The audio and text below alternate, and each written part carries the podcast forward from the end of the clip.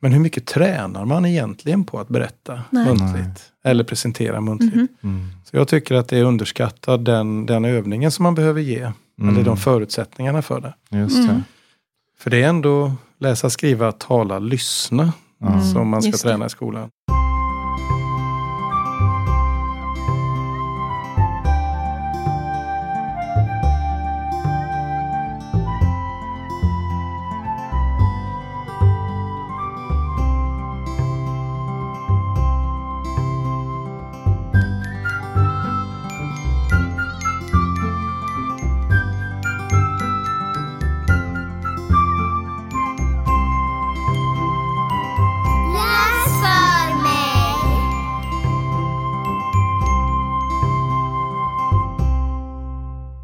Det är avsnitt 52 av podden som heter Läs för mig. Som vi producerar i Halmstad stadsbibliotek och jag heter Fredrik Holm och vid min sida sitter Carolina Durafor. Yes, och mitt emot oss så har vi bjudit in Ola Henriksson. Välkommen! Mm, tack så mycket. Eh, Du får gärna lov att presentera dig själv. Vem, vem är du? Ja. Ehm, Jag är Ola Henriksson, jag är från Göteborg. Mm. Och jag ehm, har um, hållit på med muntligt berättande i många år. Jag är också grundskollärare. Mm. har jobbat som lärare i 25 år. Och sen ehm, för något år sedan, eller förra året rättare sagt, så disputerade jag i pedagogiskt arbete Mm. på en avhandling om muntligt berättande. Mm. Ja, och så håller jag kurser och fortbildningar i, i, i det muntliga berättandet på Mm. olika vis. Oftast kopplat till undervisning. Just det. Mm. Det har ju vi fått. Vi har fått vara med med om om en idag. sådan stund här Mm. på Ja, också. Så det är ju muntligt berättande vi ska prata om idag helt enkelt. Absolut. Men eh, först så är det så att jag och Carolina samlar på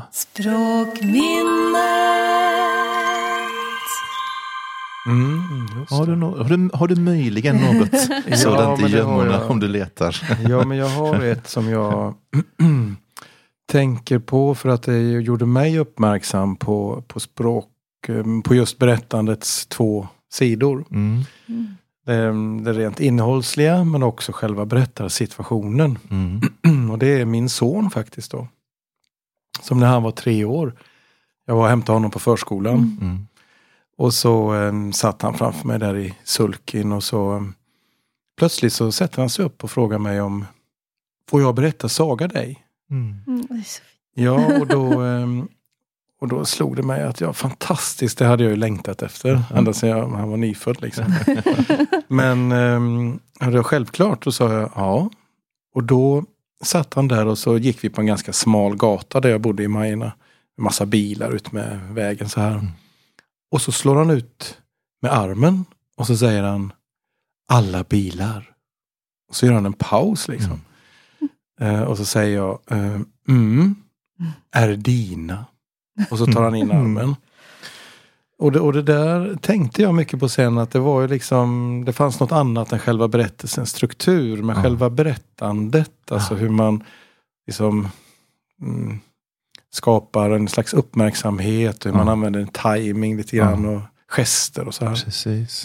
Så jag tänkte mycket på det. och, och ehm, Det är någonting med, med barn generellt när de jobbar med berättande som, som kan inspirera och som Ja. kan väcka någon nyfikenhet för det här på nytt. Mm. Känner jag ofta när jag möter barn och övar berättande, vad, vad det kan ge och sådär. Precis. Ja, även för mig menar jag. Ja, som ja. att få, hur roligt det kan vara. Alltså Mm. för den lusten att få berätta så och lyssna. Just det. Mm. Mm. Mm. Ja, härligt. Så fin berättelse. Ja. Alltså tydlig. Så mycket. Tack Mm. så mycket för den. Ja, vad häftigt att man liksom verkligen eh, ja, men får med alla de här elementen och då måste ju han ha fått uppleva också berättande och liksom ta till sig sett de här sakerna absolut. såklart också. Det, det, så är det. Mm.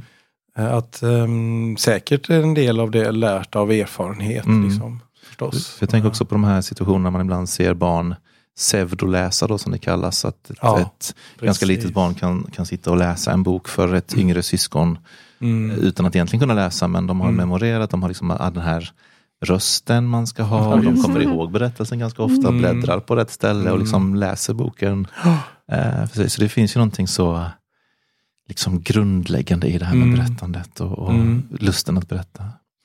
Eh, vad, vad ser vad, vad, alltså vad, vad Mm, ja, hur ska jag få Vad är liksom hemligheten? Vad är magin? Mm. Berättandets kraft? Var, var i tror du att den sitter? Vad är det som vi är så förtrollade av? Ehm, ja, mm, jag har ju studerat saker i min avhandling men Mm. inte just Nej, nej, Inte just är- Nej, men jag kan gissa och jag kan prata Mm. om det förstås. Och det, alltså, vad jag förstår så, mm, och jag, så som jag tänker kring berättande så är det en, en re- relationell, mm, alltså med en relationell aspekt. Mm. Vi har behov av att vara med andra Mm. och att dela berättelser. Mm. Och själva, och då kan man ju säga att man kan ju samtala och det är också en form av relation och sådär. Mm. Men vad berättandet gör det är att man bjuds in till mm, fantasin, till ett, till ett händelseförlopp. Mm. Så man har möjlighet att liksom återuppleva det eller man har möjlighet att, att få ta del av ett händelseförlopp tillsammans med någon annan. Då. Mm. Mm. Så är man där i, i den här. Och det, det tror jag är ehm, en, en... Alltså det är någonting med, med narras- narrativa sätt att tänka och sådär som Mm. också spelar roll. Att, att vi har ju den möjligheten att, att uppleva de här sakerna i fantasin. Mm. Jag vet inte, Mm. det är svårt att säga. Ja, alltså det, det är men- någonting med... eh, För att vad som händer när vi lyssnar på en historia det är att vi mm, på något sätt eh, släpper ett här och nu Mm. tänkande och så går man in i en annan upplevelsevärld. Mm, mm. Ja men precis. Ja, men det är så, jag, jag, jag vet att jag har sagt det här tidigare på det, jag vet inte när vi Mm. pratade om det, men just det här med att man stöter på folk som säger att de gillar inte att läsa och så vidare. Va? Men man har ju aldrig stött på någon som säger jag gillar inte en bra berättelse. Alltså man Nej. kanske bara att man berättar vad som hände i helgen eller, eller ett, en film eller vad man nu, Mm. hur- sättet man nu tar till sig den på. Va? Man, man kanske Mm. inte är så förtjust i böcker, man kanske haft en negativ erfarenhet. eller Vad som helst, men Precis. det finns ju ingen som jag har stött på levande människor som säger att de inte gillar En berättelse. en berättelse. Inte så uttryckligen i alla fall. Nej, sen kan det ju Eh. vara, mm, det är väl inte helt ovanligt att det finns inom akademin i vissa kretsar en Mm. viss alltså, nedlåtande attityd till just berättelser. Och vanligare Oinfödda förr. saker. Mm, ja, för vanligare förr. Men Mm. eh, sen den narrativa vändningen kom på 80-90-talet så är Mm. det ändå mer ja, accepterat och Mm. etablerat. Mm, Att man kan använda berättelser i forskning. Mm. just det. Men tidigare så var det kanske lite mer strikt. Alltså det. anekdotiska kunskaper och sådana Mm. här. Man var, alltså berättelser är alltid subjektiva. Och. Mm. Just det. Och just då kanske också läsa skönlitteratur är lite sämre än att läsa facklitteratur Mm. då såklart också. Mm. Ju, ja, det är sant. Det, är en Men eh, mm, Mm. Varför börjar du överhuvudtaget med berättandet? Alltså, ja, Hur kom du in på det? ja det, det är faktiskt em, en fråga som har två svar skulle jag säga. Det ena eh, som jag tänker på först det är ju att jag blev väldigt inspirerad av en kollega. Mm. eh, som blev min kollega kan man säga. Det var bara min granne från början. Mm. Okej. Okej. Ja, vi bodde grannar i Majorna där på en gård. Så var det en Mm. gårdsfest och så hamnade jag bredvid Ulf Ernström då. Ja. Och så frågade jag vad han gjorde och han sa att han var berättare. Mm. I, innan jag skulle berätta att jag var lärare och så. Så tänkte jag det var ett märkligt yrke liksom. Jag har aldrig hört talas om något liknande. Mm. Det här var ju på ehm, slutet på 90-talet då. Mm. Och så berättade han att han var ute och håller liksom såna här föreläsningar på skolor och så här för lärare då. Mm. i syfte att få dem att berätta mera. Så jag bjöd in honom till min skola. Eh, och det var i början på ett år och samma år kunde man söka någon slags eh, ska man, vad heter, fortbildningsbidrag och sådär. Okej. Och då fick vi det och kunde jobba med Ulf. Så då blev han min kollega under några år faktiskt. Mhm. Så Oj. vi utforskade Ja. berättandet i olika Mm. sätt. Och sen var jag fast Mhm. kan man säga. Mm. Ja. Men sen har jag också tänkt att jag har ju alltid älskat berättelser sedan jag var liten. Ja. Och det har berättats runt omkring mig. Som i de flesta familjer tror jag på olika sätt. Och Mm. sådär. Så att eh, jag har alltid uppskattat det. Så det har varit en, en del av min eh, ja, identitet på något sätt. Mm. Att Mm. gilla eh, berättelser av olika slag. Men det väcktes då till liv som berättande i undervisning under den Ja, perioden. Med Ulf då. Mm. Mm. Mhm. Vad är de stora fördelarna med det? Att kunna få in berättandet i undervisningen? Ja, för det första så får man väl lov att erkänna att det var lite grann som att återupptäcka hjulet. Mm. Berättande har ju alltid funnits liksom. Ja. Det är som en del. Men ehm, vad vi upptäckte då, som delvis jag fortsatt med, det är ju att, alltså att det väcker en koncentration. Mm. Alltså man fångar elevernas uppmärksamhet. Mm. Man kan dela en upplevelse Mm. som kan Mm. vara, ja, det finns så många Mm, ja, fördelar. ja. Men också det här, en sak som jag tänker på som är det är det relationella aspekten. Man blir en speciell lärare liksom, som delar något som upplevs personligt Ja, just det. när man berättar någonting. Mm. Det är det ena och sen det andra är ju att man kan alltså, paketera upp ett ämne på ett Mm. väldigt ehm, spännande sätt Mm. för, för eh, ele- eleverna. Mm. Precis. Mm. Ja, för du hade ett sånt bra citat, nu kommer jag inte ihåg vem det kom ifrån, men när du gjorde skillnad på, eh, eftersom den eh, förmiddagen vi hade med dig här nere så var det ju en del att du berättade och sen så var det mer teoretisk Mm. föreläsning. Mm. Och skillnaden på en berättelse och när det är en Just det. föreläsning tyckte jag det var så snyggt. Ja, Alf Arvidsson, den etno, Ja. etnologen Ja, ifrån just det. Umeå, han brukar säga så här att vad är det för skillnad på en föreläsning och en eh, att lyssna på en berättelse? Och då menar han att när man lyssnar på en berättelse så undrar man ju hur ska det här sluta? Och när ni lyssnade på min föreläsning idag så undrar ni när den ska sluta. Ja. Ja, ja, väldigt hårdraget så. Nej, men det, det, jag kan ju förstå, speciellt nu var ju vi ganska förtrollade hela tiden. Men, men jag kan ju verkligen, om man applicerar det på ett eh, klassrum med Mm. högstadieelever så kan man ju verkligen Mm.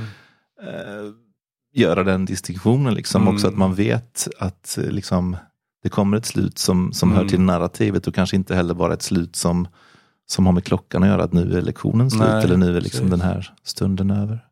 Jag att man har får- ju mm. ett exempel från att berätta för um, högstadieelever. Mm. För det kanske man, ibland får jag uppfattningen av att man tror att de inte skulle vara så intresserade av att lyssna på sagor. Mm. Mm. när de går på högstadiet. Mm. Men det är de, Mm. verkligen. Mm. Det vet jag av erfarenhet också. Men i ett klassrum kom jag in där de inte, jag inte hade träffat tidigare.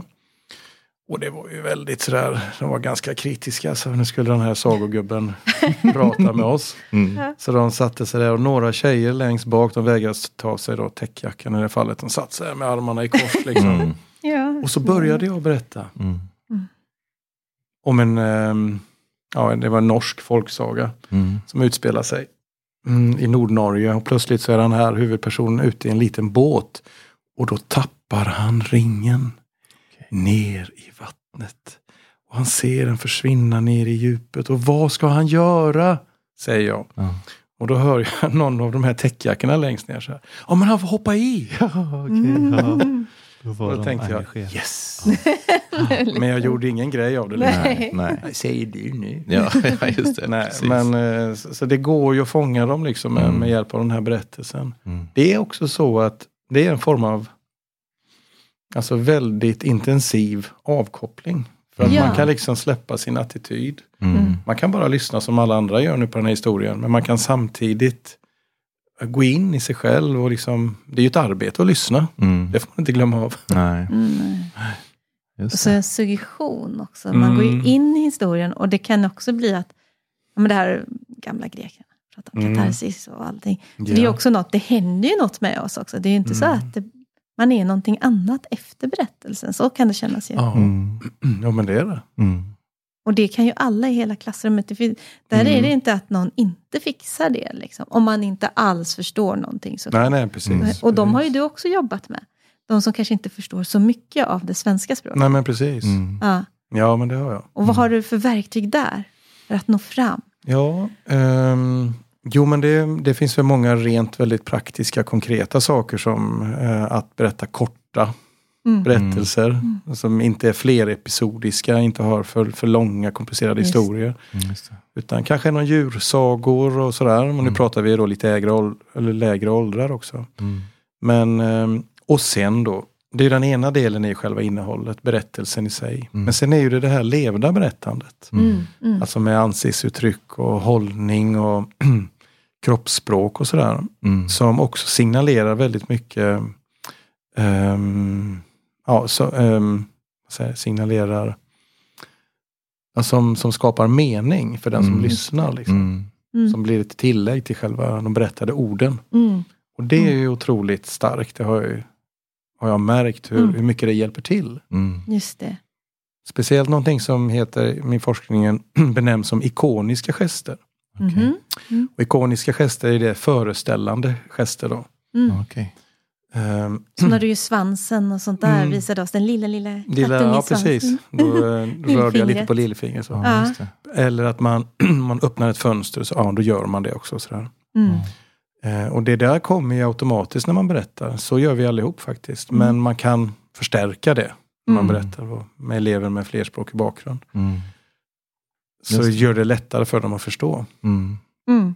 Kanske använda rekvisita och sånt också. Absolut. Man kan också och, mm. Rita på en Mm. whiteboard några Just det. som man, som man kan förstå kan vara komplicerade ord. Så kan man rita bilder. Eller, Just det. Mm. Mm. men man ska helst inte förklara under tiden man berättar. Nej, just det. Nej, just det. För då händer sjunk- något. då sjunker Mm. man hela tiden ur den berättade världen. Just det. För att gå in i en berättad värld, det är, ju, en, Mm. det är ju en speciell tid. Mm. Mm. Och om man bryter den då med att förklara och sådär, då faller man hela tiden ur den. Just så. det. Mm. Precis. Mm. Och så blir man inte så magisk längre till slut. Nej, Nej. Nej. man får kämpa sig tillbaka. Mm, just det. Precis. Mm.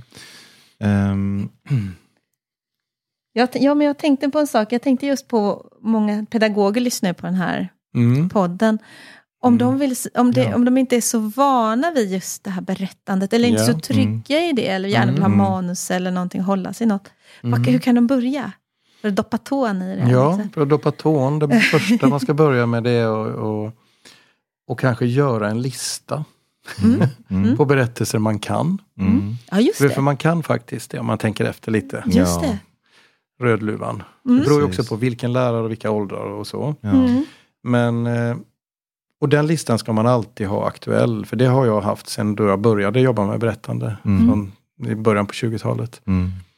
Ehm, men sen ska man börja med korta berättelser. Mm. Både för elevernas skull. Mm. För de som inte är vana att lyssna får ju träna då på lyssnandet. Just det. Just det. Och sen eh, att det är lättare att, att lära sig den själv helt enkelt och komma ihåg den. Mm. För det, det kan ju vara, man kanske gillar såna här långa historier.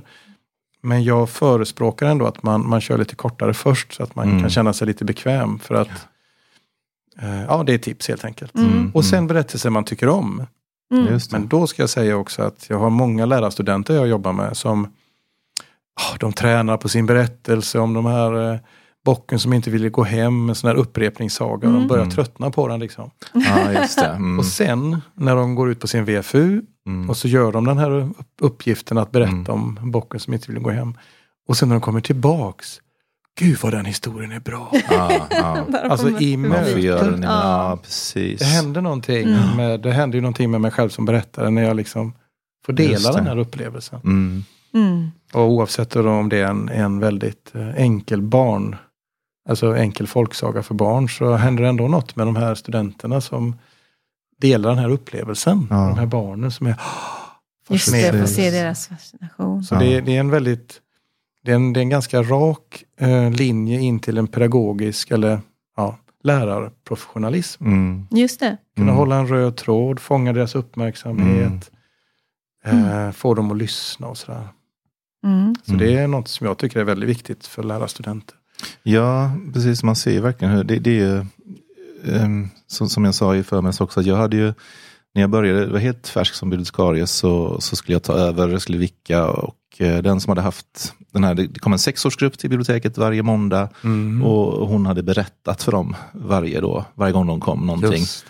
Och jag kände hur ska jag kunna göra det? Jag var typ, jag var typ i 25-årsåldern kanske och jag kände att Nej, jag läser. Jag tog en sån här klassisk sagobok, sån här, en bok för alla med ba, bara text, helt oillustrerad. Och så var det de här klassiska med Mm. Rödluvan och, och där man kan många av de här gamla folksagorna. Så läste man ju inledningen och sen ville man ju titta upp en stund och så tittade man Ja. på dem.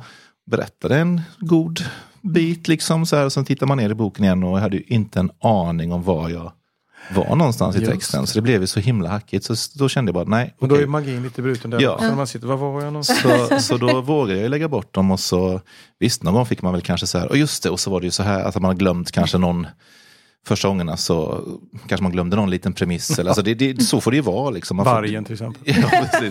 Nej, men alltså det kanske, det, det, man får ju våga lita på det sen att det sätter sig. Liksom.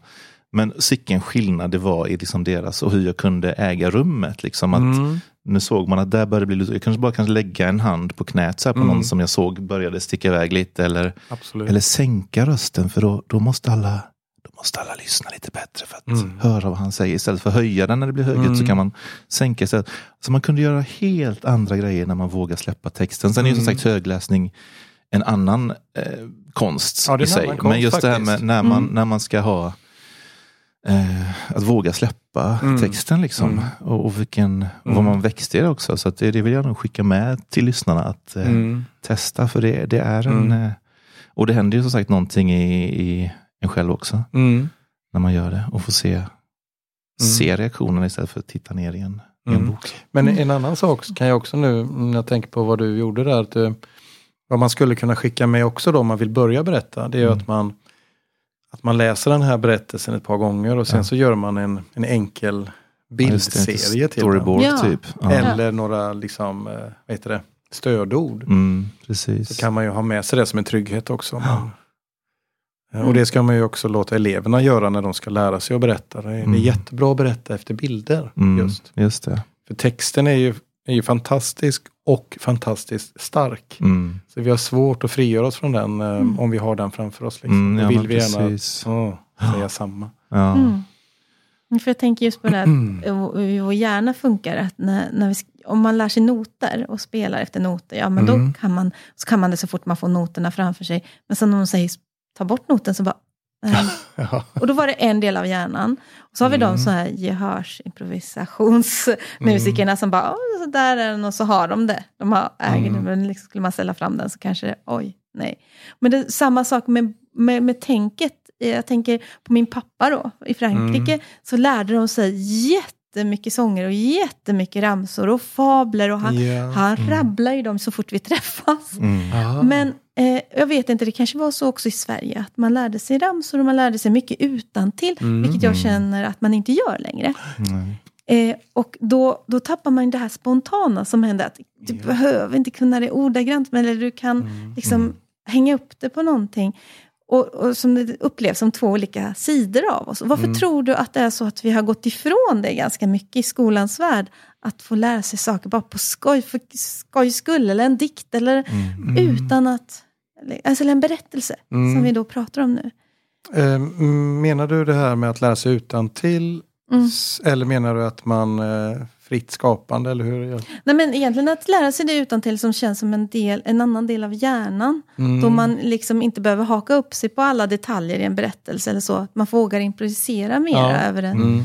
en text. Det, Mm. Att det är mycket... Att, jag känner det på mina barn bara, att de ska Mm. kunna det. Oh, jag måste kunna det. Hur var det nu? Ordagrant. Liksom, okej, istället ja, för att. Så, ja. känna att de... "Aj, Det finns en röd tråd och det är den Mm. du ska hålla Ja, dig det, till. det, så. ja, precis. Nej, men jag, jag vet inte hur det ser ut alltså, runt om i Mm. alla skolor. Om det Nej. kan vara lite olika också. Mm. Ja, Men eh, just det här att vi inte lär oss utan till, det Mm. tycker jag egentligen är synd. mm. Just den, men det är inte riktigt samma sak tror jag som det du menar. Nej, det kanske. finns lite nyanser Mm. där ja. Mm. Mm. För men- att jag tycker ändå att just sådana här som rim och ramsor Mm. och sånger, det har ju en stor poäng att man verkligen kan dem utan till, Mm. till en Mm. melodi kanske. Eller, Mm. och rimmen kommer på rätt plats. Som recitera och sådär. Det är väl en Precis. fin eh, sak att Konst. liksom kunna, för det, Mm. tyck, det tycker jag man saknar. Mm. Mm, men just det här fria berättandet, det muntliga berättandet är inte heller så vanligt att man jobbar med. Nej. Nej. Faktiskt. Och det är ju också synd, för det blir en, en annan form av... eh, det är en helt annan sak. Ja. Ja, För, där den är mycket har- mer social. Den Ja, är mycket mer så här, Mm. jag berättar ju för dig och då kommer jag berätta den på lite annorlunda sätt. Mm. Än jag berättar den för dig Mm. eller, för några, eller för barn. Och så. Just Ja, det. för när de ska ha redovisningar och sånt och då ska Ja. de ju läsa direkt från pappret Ja, och allt det är, är jättejobbigt. Mm. Och sen vet de egentligen kanske inte heller vad de pratar om. Nej. Nej. För det, det är det som jag också kan tänka med musiken, att åh, jag lyssnar på min musik eller jag är inne i noterna. Mm. Samma sak, jag läser min redovisning Mm, eller det. jag, jag är med. Jag är i Grekland nu. Jag ska Mm. berätta om Grekland. Mm. Just det. Men det handlar ju om mod också. Mm. Att våga visa sig och visa, Mm. för att det är ju ganska modigt att gestikulera som du gör. Eller Mm. en liten där och den stora. Ja, Att våga göra så med rösterna bara. Mm. Jag vet ju mina tonåringar dör när jag gör så och berättar en historia. Så det är. Fast de vill ju det också, det är något som händer i dem. Men, Ja. men varför är det så jobbigt att... Mm. ja, men det är ju det. är en- Jag tycker att det, alltså det muntliga berättandet är ju kroppsligt. Mm. Och kroppen, alltså det är ju, sitter ju väldigt mycket självförtroende i det. Att bli sedd och iakttagen och sådär. Och Just det. kliva fram och sådär. Mm. Så det är ju definitivt någonting som man inte ska ta med en klackspark. Nej, Nej. nej.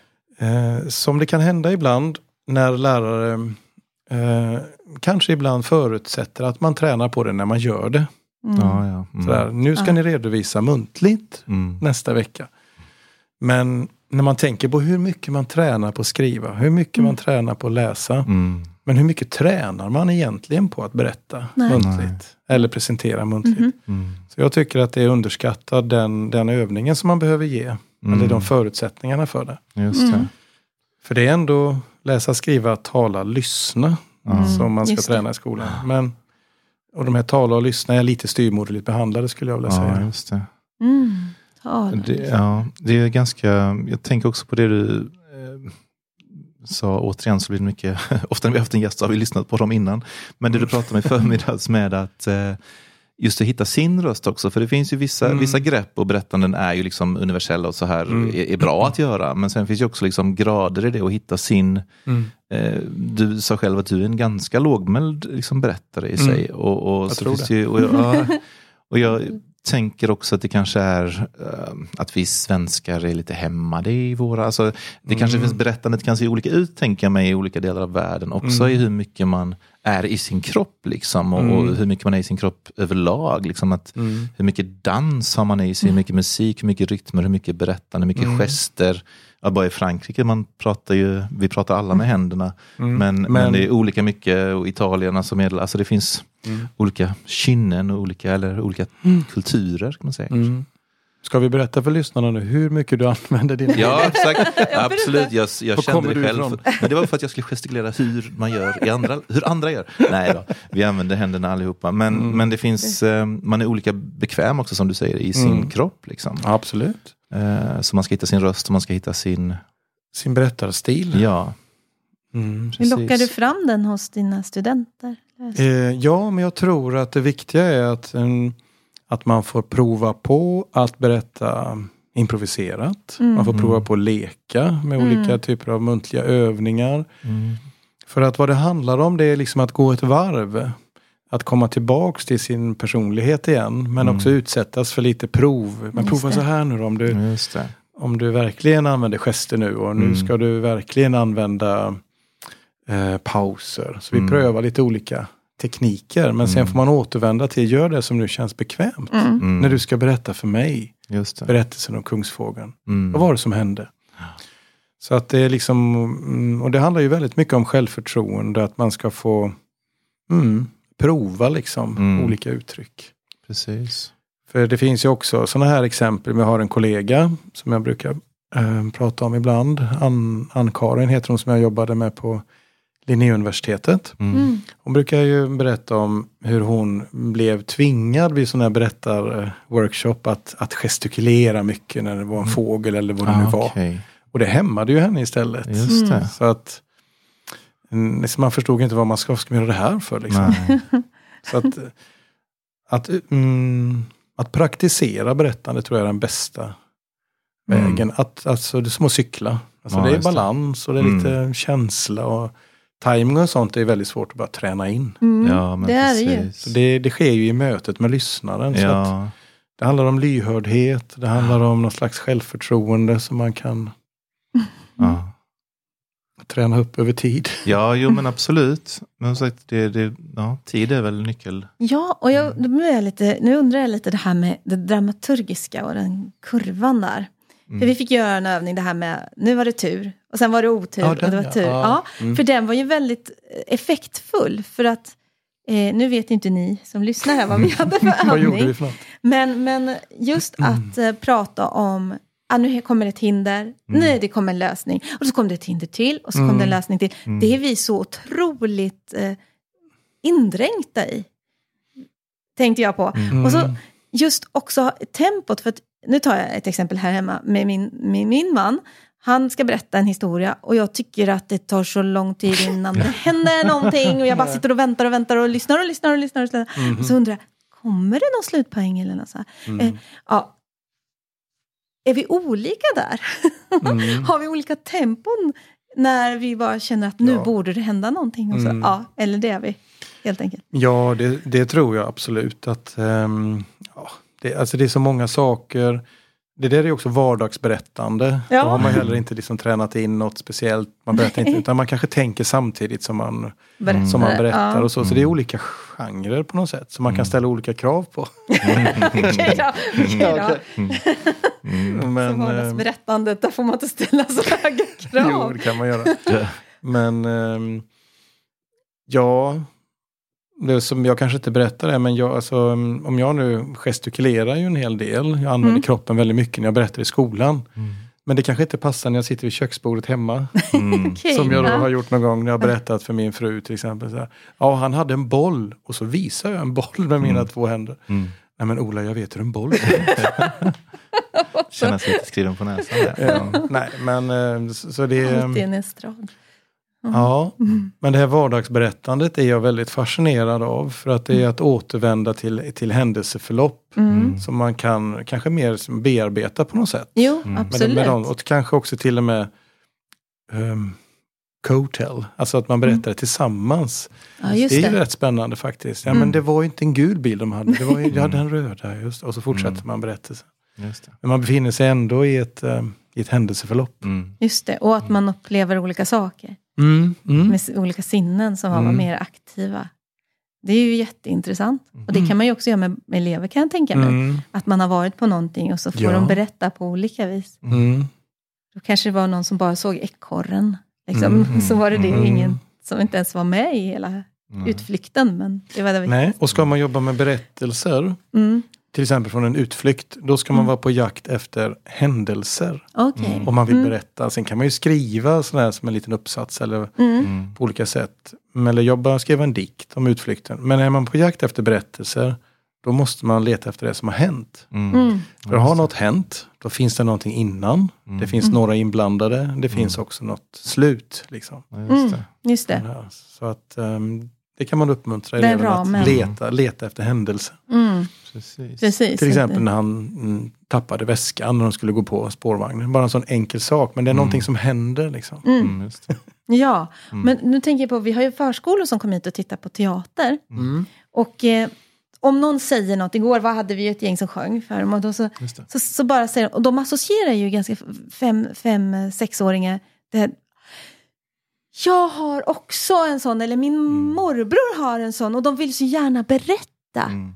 Ja, just det. Ja, för det finns ju olika åldrar och, och sen Mm. försvinner det kanske helt på högstadiet. Alltså, eller i alla fall att man visar det där. Men man, man, det händer här uppe kanske. Man Mm. fortsätter berätta i huvudet. Men s- femåringen säger direkt istället Mm. det som händer här uppe.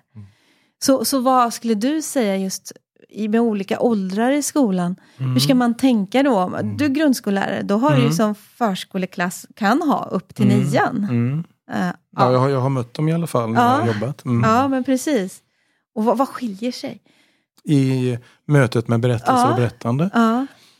Ja, mm, alltså det generella, alltså det som gäller för alla är ju ehm, lusten till att lyssna på berättelser. Mm.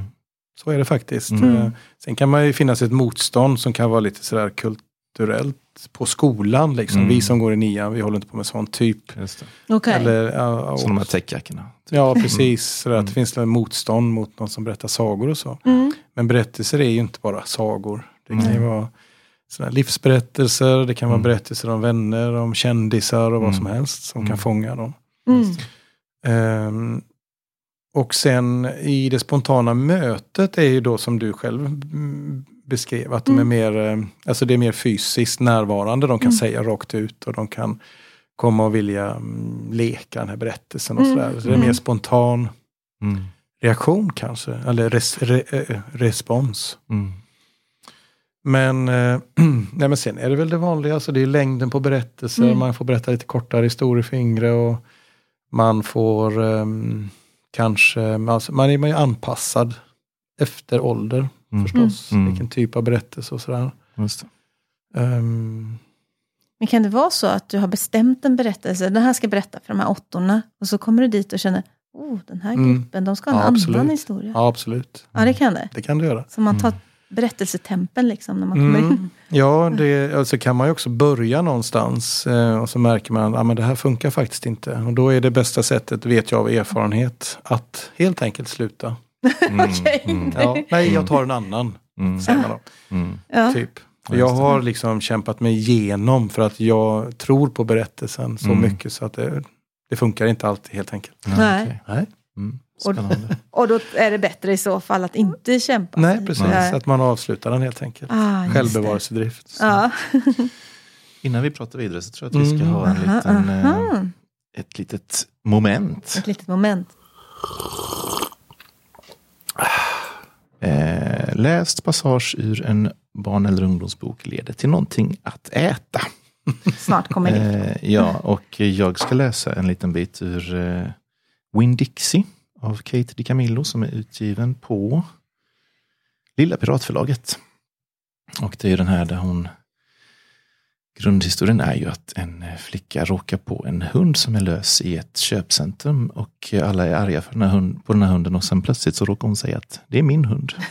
Och råkat. Eh, och eh, nu är vi en bra bit in i boken, men så, så är grundhistorien i alla fall. Och eh, ja. Haha, skrattade Gloria Dump. Den här hunden då, vad heter han? Winn-Dixie, sa jag. Winn-Dixie dunkade med svansen mot marken. Han försökte le, men det var svårt för han hade munnen full med jordnötssmör. Winn-Dixie, sa Gloria Dump. Du menar som den där mataffären? Ja, minsann, sa jag. Oj, oj, oj, sa hon. Det vinner första priset i konstiga namntävlingen, visst gör det? Ja, minsann, sa jag. Jag höll just på att göra mig en smörgås med jordnötssmör, sa hon. Vill du också ha en? Okej, sa jag. Ja, tack. Kom och sätt dig, sa hon och pekade på en trädgårdsstol med trasig rygg. Men sätt dig försiktigt.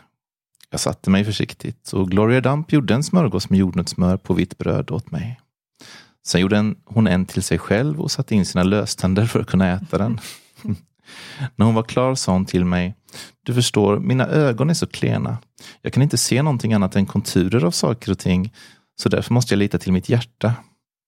Kan inte du ta och berätta för mig allting om dig själv, så jag kan se dig med mitt hjärta?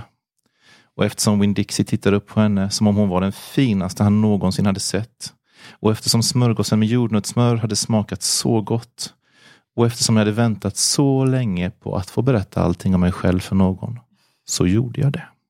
Mm. Fint. Mm, visst var det. Ja, verkligen. Får jag se den? eh, Absolut. Det, det jag kom, ja, så blir det som sagt då förstås Ja. eh, mackor, vitt bröd och jordnötssmör.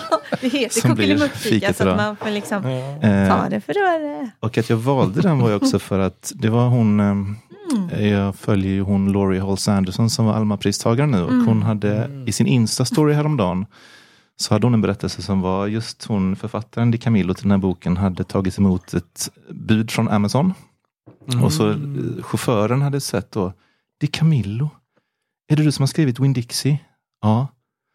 Åh, min fröken läste den för mig i skolan och det var så bra. Så att liksom det satt fast. Det var så fin berättelse av just högläsningens kraft. Liksom. Mm. Fantastiskt. Så, då, så då kollade jag den. Finns det inget ätbart i den? Och det, Mm. det gjorde det ju. Ja, det är klart. Mm. Så och det vi går riktigt... inte att berätta efter man har ätit Nej, den här jag mackan. tänker det här. Vi, får vi, vi, vi har i alla fall lite... Och så tyckte jag det var så fint med att hon såg med sitt hjärta och Ja. Det berätta allting. Mm. Mm. Det är lite grann från man, att se med sitt hjärta men också att, att berätta utan till som vi var inne lite på förut. Mm. På engelska heter ju by heart. Just det. Parker på franska. Mm. Ah, parkour. Ja, det är så. Vad är parkour då? Ja, precis. Det är något annat. Det är något annat, ja. Mm, det är courir. Du? Springa. Springa. Men kör. parkour. För att det är ju ganska fint för att det, det säger mer vad det är. Mm. Man ska Faktiskt. inte kunna det utan till utan ja. Det ska inte sitta i, hjär, det ska inte sitta i hjärnan, Nej, det ska sitta i hjärtat. hjärtat. Mm. Ja.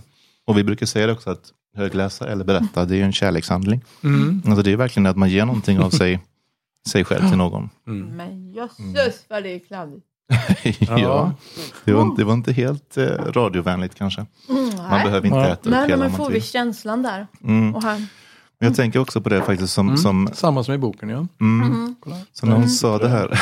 ja, just det. när hon sa det här om, eh, för det du sa innan med, med femåringar som gärna vill berätta och så vidare. Mm. Det är ju såklart också att de vill berätta men det är också att man vill bli sedd ju. Mm. Och det är det man märker tycker jag ofta idag att, att jag menar barn har ett behov av liksom. Det har de väl allt, alltid haft men Mm. kanske idag att det är lite av en bristvara att eh, man är lite Många är i sina skärmar och man är, alltså det ser man ju på sig själv också, man ser det på föräldrar som är här, att, att man inte alltid är helt närvarande. Nej. Eh, Så det här med att berätta är ju Mm. också ett sätt att bli sedd och bli lyssnad på. Mm. Liksom om man övar det i skolan så är det också ett sätt att Mm. bli sedd och bli tagen på allvar och Mm. bli mm, att någon Mm. fokuserar på en en stund. Liksom.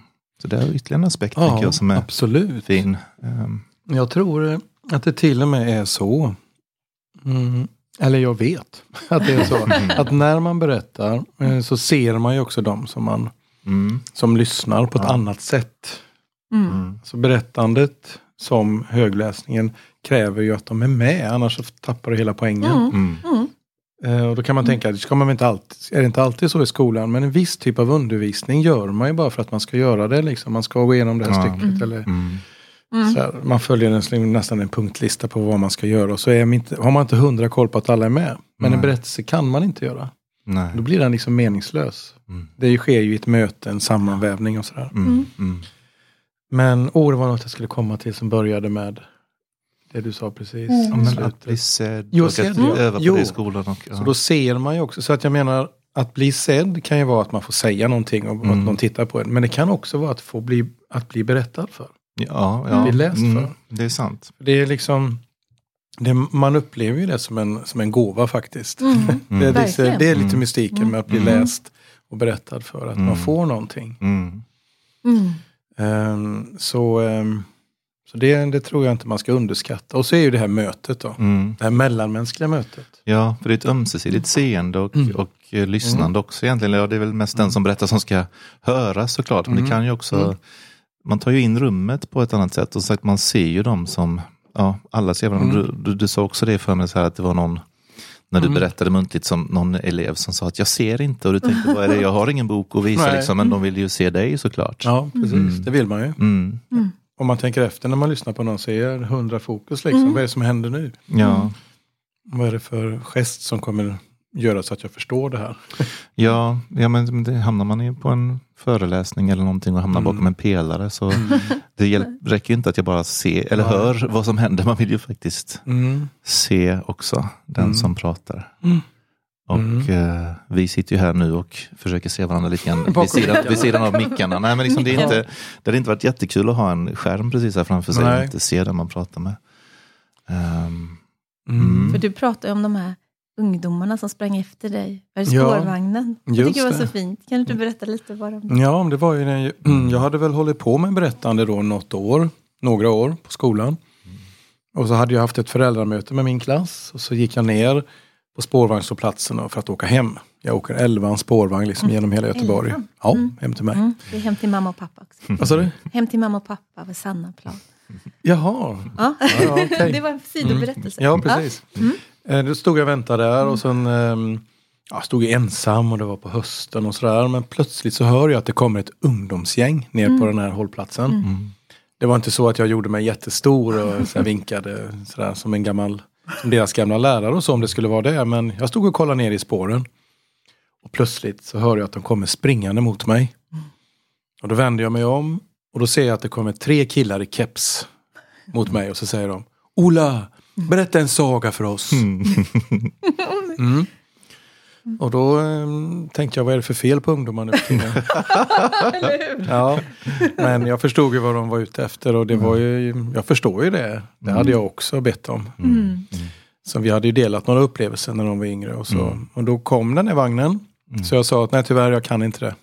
Jag ska ta den här vagnen. Ja men vi med, sa de. Så snart satt vi på spårvagnen. Eh, och så berättade jag en saga då för dem. Mm. Det låter som en saga men Ja. Det var faktiskt det. Det var en, en fantastisk upplevelse för mig också. Liksom, Mm. att, få, att, få, att de ville det. Ja, men det är Så- klart.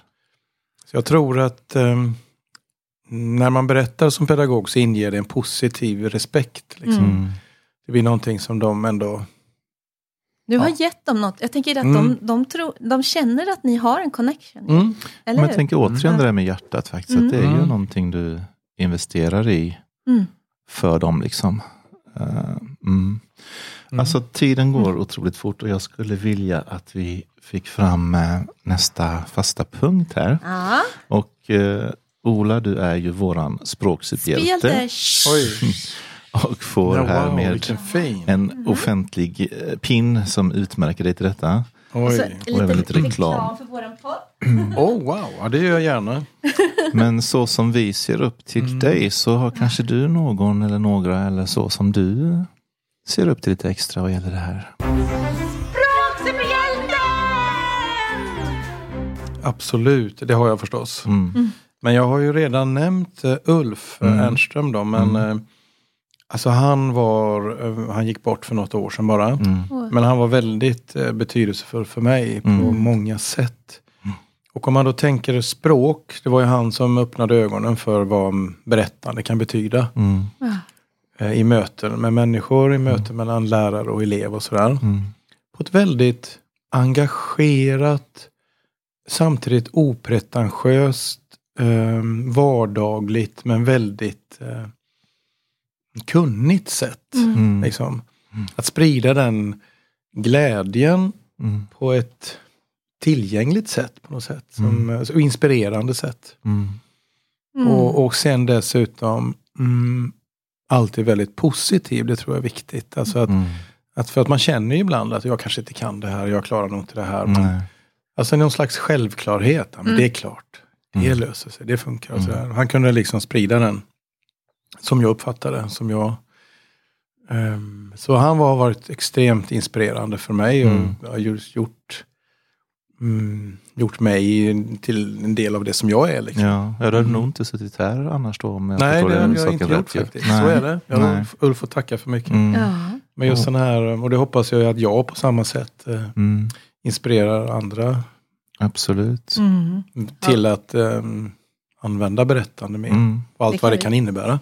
Det kan vi skriva under Ja, det kan vi skriva under på. Ja. Mm. Jag Det tänker faktiskt på det nu. Ja, var jättefint. Tack så mycket. Och också det som du sa nu, lite grann det här med just positivt. Och, Mm. ehm, känner du, nu är det ju din passion på ett sätt och ditt, ditt intresse Ja. att berätta. Men Mm. känner du ibland att det finns dagar då det är, alltså man behöver ju ändå vara på topp. Liksom. Finns det dagar då det känns motigt för att man, man det är svårt att göra en kanske bra berättelse om man är Mm.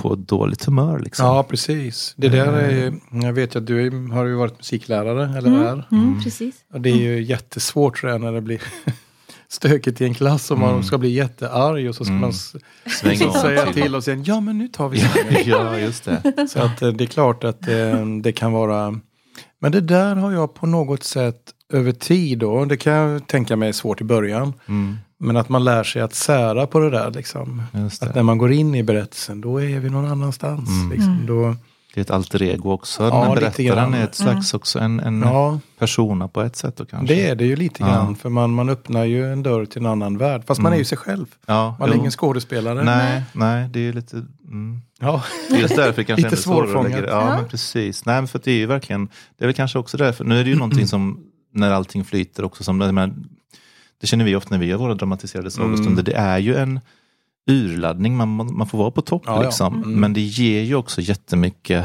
tillbaka. Mm. Men det är väl kanske också därför det är det här med att man, man ger från hjärtat faktiskt. För att, för att det är en liksom uppoffring kanske är fel att säga också, men det är ändå en investering i, Ja, det det. i eh, man gör det med, man, man, får göra, man kan inte göra det med vänsterhanden liksom, Nej. utan du behöver ändå göra det ordentligt om, om det ska Ja, det är ett engagemang, funka. ett Liksom. Ja, ett tillstånd på engagemang, det behöver vara. Och det är det som är lite det känsliga med det då. För Mm. att man utsätter sig lite för en risk när man Mm. går ut på golvet och man Mm. öppnar för ett, för ett fritt berättande liksom. Även som pedagog i ett klassrum. Mm. Man kan ju få kommentarer eller man kan få eh, sådär. Och då är det tufft alltså. När Mm. man också, så man öppnar ju faktiskt för så, En sårbarhet också. en sårbarhet. Mm. Och den sårbarheten är ju också delvis nyckeln till att det blir så bra. Ja, Ja, just men precis. Just det, det är Så att det, det är verkligen Ja. den, eh, det är mycket som är både och. Mm. Mm. Man måste satsa något för att kunna vinna något. Mm. Mm. Berättandet är alltid här och nu. Mm. Men det är alltid där och då. För att Mm. det är inte nu man berättar om. Nej, utan, just det. så det är många sådana där um, paradoxer med berättande. Mm. Men jag har ju mött många el- elever som har sagt att alltså det är så häftigt för att det känns som om det är här och nu. Mm, Som, det. som, som det sker. just Och det gör det ju också för berättarsituationen är ju här och nu. Ja. Men det var en gång, men ändå. Ja, precis. Ja, men, ja, men då, då blir det ju, då har man ju förflyttat sig Mm. så att den parallella verkligheten är den som känns, Mm. känns verklig. Mm. Då har Men det- det bra tänker jag. Ja. Lite grann som filosofiskt perspektiv på lek. Det sker ju också alltid här och nu men det är alltid i en annan dimension. Ja, Liksom. Mm. Saker föreställer något annat än de är och sådär. Mm. Och lite grann berättande har samma, samma fenomen. Just det. Det är här och nu men vi Mm. upplever en annan värld. Liksom. Mm. Har du varit med någon gång om att du har upprört någon med dina berättelser? Eller fått någon att känna väldigt starkt? Mm. Känna starkt har jag, har jag ju fått. Alltså man blir känslomässigt Ja. drabbad eller engagerad och sådär. Mm. Mm. Det har ju hänt Mm. av lite olika typer, vilken berättelse och sådär. Mm. Barn har också kunnat uttrycka att de blev rädda Ja, när man berättar. Det. Mm. Och det har man inte alltid kunnat förutsett för de har med sig olika Jag menar det. historier och sådär. Mm. Mm. Och eh, jag kanske, nu kände jag igen en, jag berättade en historia om en hare och ett lejon. Haren höll på att bli uppäten. Mm. Och innan historien, för det blir den ju inte Nej. i den här sagan förstås. Nej. Men innan den var slut så var det en flicka som sa ett par gånger tror jag. Men det kommer ju gå bra för haren. Ja, ja. Ja. Ja, jag tyckte det var så gulligt så jag sa ju varje gång ja. Ja. ja. Och då tyckte väl någon annan, åh sa han. Precis. Spoiler. Men jag var ju tvungen att säga det. Hon var Ja. så, hennes blick var verkligen orolig liksom. Ja. Ja. Ja, för Speciellt yngre barn har ju nästan inget skydd mot Mm. Nej. att gå in i saker. De går väldigt lätt in i Ja, den andra världen. Precis. De är ju nästan där hela tiden. Mm. Mm.